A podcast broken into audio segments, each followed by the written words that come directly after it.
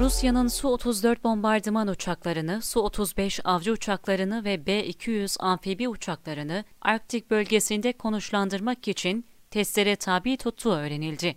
Küresel ısınmayla buzulların erimesi üzerine Arktik bölgesinde meydana gelen avantajlardan faydalanmak isteyen pek çok ülkeden biri olan Rusya, Arktik bölgesindeki askeri varlığını artırmaya devam ediyor. The Sun tarafından yapılan haberde Rusya'nın Su-34 bombardıman uçaklarını, Su-35 avcı uçaklarını ve B-200 amfibi uçaklarını Arktik bölgesinde konuşlandırmak için testlere tabi tuttuğu aktarıldı. Rusya Devlet Başkanı Vladimir Putin'in Kuzey Kutbu'ndaki Sovyet döneminden kalma askeri üslerin restore edilmesi ve kontrolün artırılması emrini vermesinin ardından çalışmaların yoğunlaştığı bildirildi. Mart ayı içerisinde Rusya, MiG-29K savaş uçaklarını Avrupa'nın kuzeyinde bulunan Novaya Zemlya takım adalarına muharebe için göndermişti. Habere göre Suhoi Su-34 bombardıman uçaklarının bir alt bölümünün de yakın gelecekte kuzey filosuna aktarılması bekleniyor.